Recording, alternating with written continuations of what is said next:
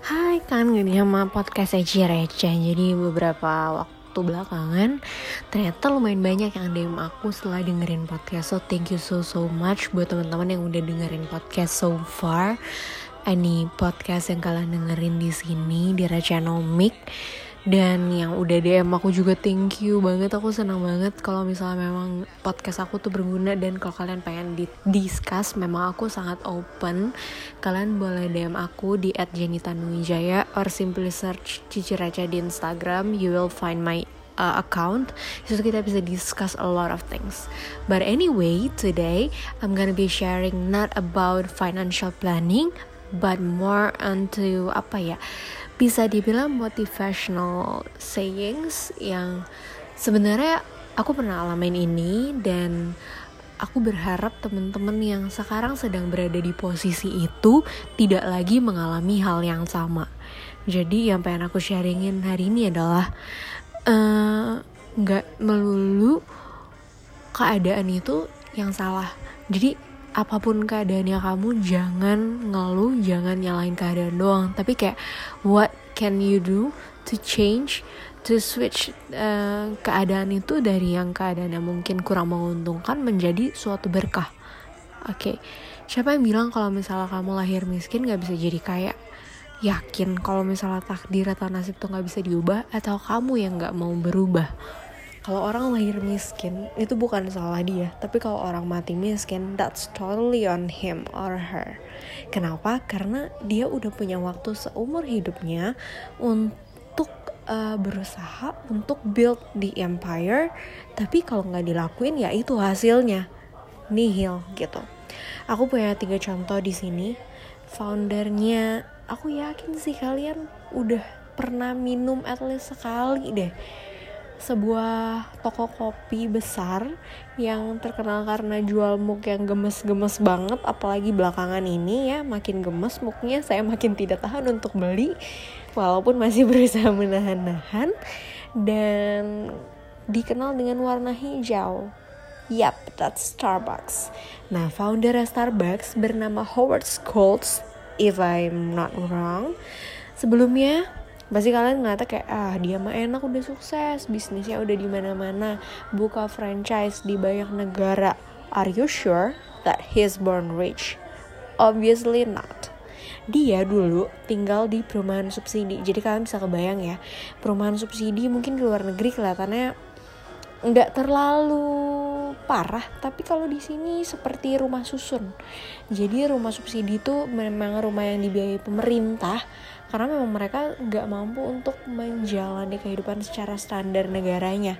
Nah yang kayak gitu aja bisa build Starbucks loh guys Terus jangan sedih, kemungkinan kalian bilang itu Amerika lain environmentnya. Oke, okay, I'll give you another contoh.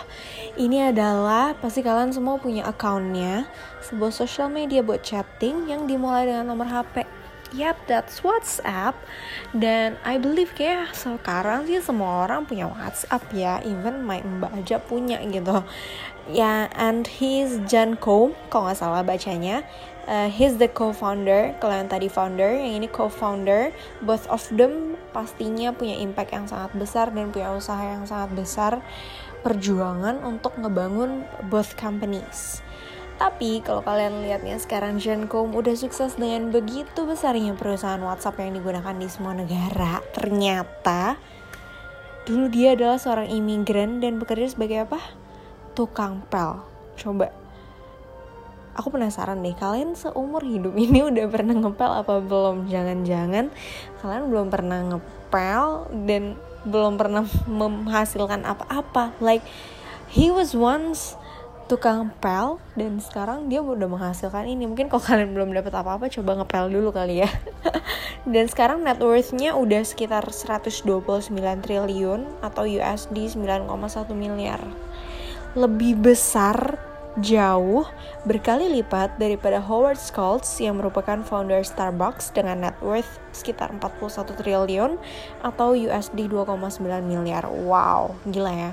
2,9 miliar dalam even dalam rupiah aja gue belum punya loh dia udah gila US loh ampun deh 14 ribu kali lipatnya oke okay, next kalau kalian beralih duanya adalah orang luar negeri. Oh mungkin di luar negeri environmental lebih bagus Ci. Lebih you know lebih supportive to be a successful people gitu. Well di Indo juga ada. I believe ini ceritanya udah banyak banget dibicarakan dan udah banyak banget diangkat. He's one of the successful person in uh, apa ya di bagian media uh, in a TV station dan sekarang kayaknya dia udah punya a lot of business going on. And he's Khairul Tanjung the founder and CEO dari Transcorp which is sekarang terkenal banget dan uh, punya beberapa station ya. Dan sebelumnya dia adalah apa anak singkong ya ada bukunya. Dan sekarang net worth dia juga sudah melebihi Howard Schultz, wow, Starbucks, mungkin harga gelas kamu kurang mahal. Atau jual tumbler kurang banyak nih. Net worth-nya si Khairul Tanjung ini udah 54 triliun rupiah atau sekitar USD 3,8 miliar. So, dari ketiga contoh di atas, aku pengen uh, show you guys aja sih. Jadi, um, perusahaan yang mereka dikembangin ini emang pasti udah gak pernah ditanya lagi ya kayak semua orang juga udah tahu gitu kayak even nenek-nenek juga tahu perusahaannya karena udah terkenal itu dan ini sangat dekat sama kehidupan sehari-hari. I mean kayak perusahaan dan produknya ya kita pakai sehari-hari kan?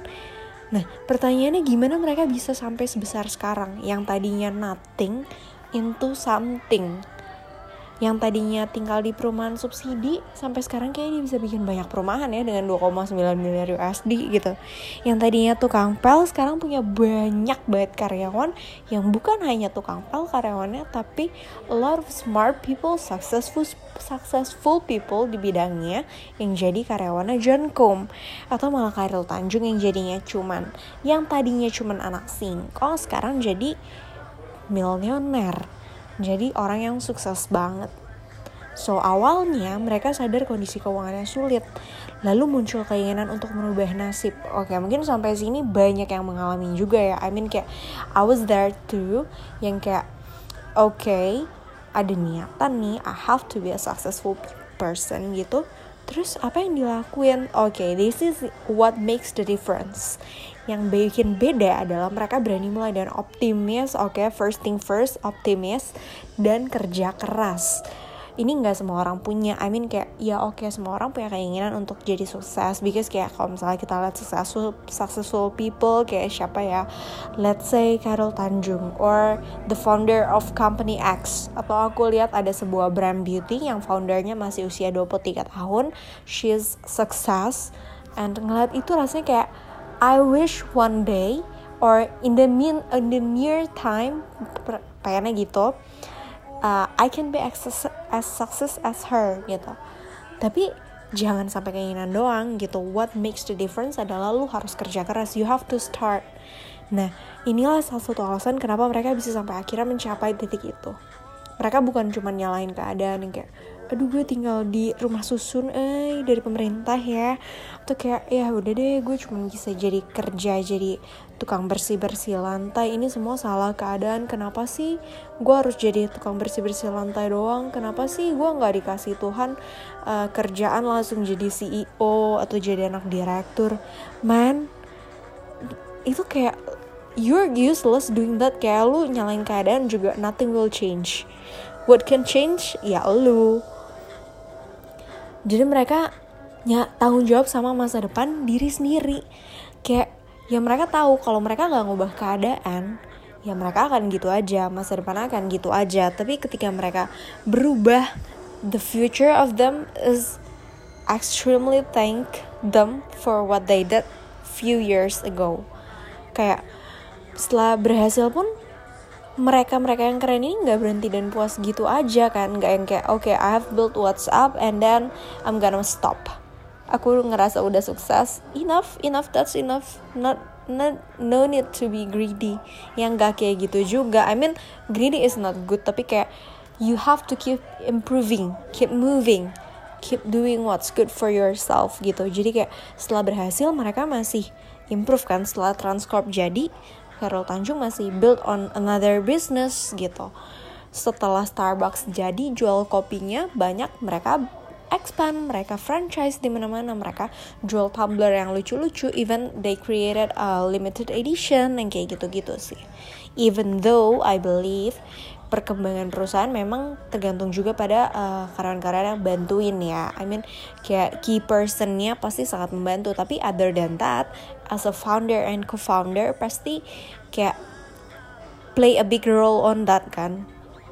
Nah, dan thing yang kalian harus juga yakini adalah ketika kalian berusaha, ketika kalian tetap berkembang, ada satu hal yang harus juga dilakuin adalah adapt. You have to adapt sama apa ya dunia yang semakin cepat berputar ya sekarang kalau aku bisa bilang. Kayak kalau misalnya kemarin you're on top and then the next day pesaing lo udah bisa kayak copy what you did on harga yang way way cheaper than you and then your customer bakal move on ke pesaing lo. Kayak that's what you need to work on kalau misalnya ada hal kayak gitu lo harus adapt. Hari ini lo bagus besok lo harus be better. Gitu. Jadi kalau mereka yang dengan kondisi keuangan yang kekurangan aja bisa kita yang I believe dan mudah-mudahan sekarang jauh lebih beruntung dari itu kita juga harus bisa start on something dream big and do big. But remember big money requires big energy. So good luck on trying. Thank you banget yang udah nonton Reconomic sorry hari ini suara gue kurang maksimal karena memang masih sakit banget masih recovery. That's why last week gue nggak publish podcast. Anyway uh, semoga podcast ini berguna. Kalian boleh share ke teman-teman yang Mungkin kalian rasa bisa berkembang bareng, belajar bareng, butuh inspirasi dari Rechanomic, and kindly reach me on Cici Receh on all social medias, Jenny Tanwijaya, to discuss a lot of things. So, thanks for listening. I'll see you guys on the podcast. Bye!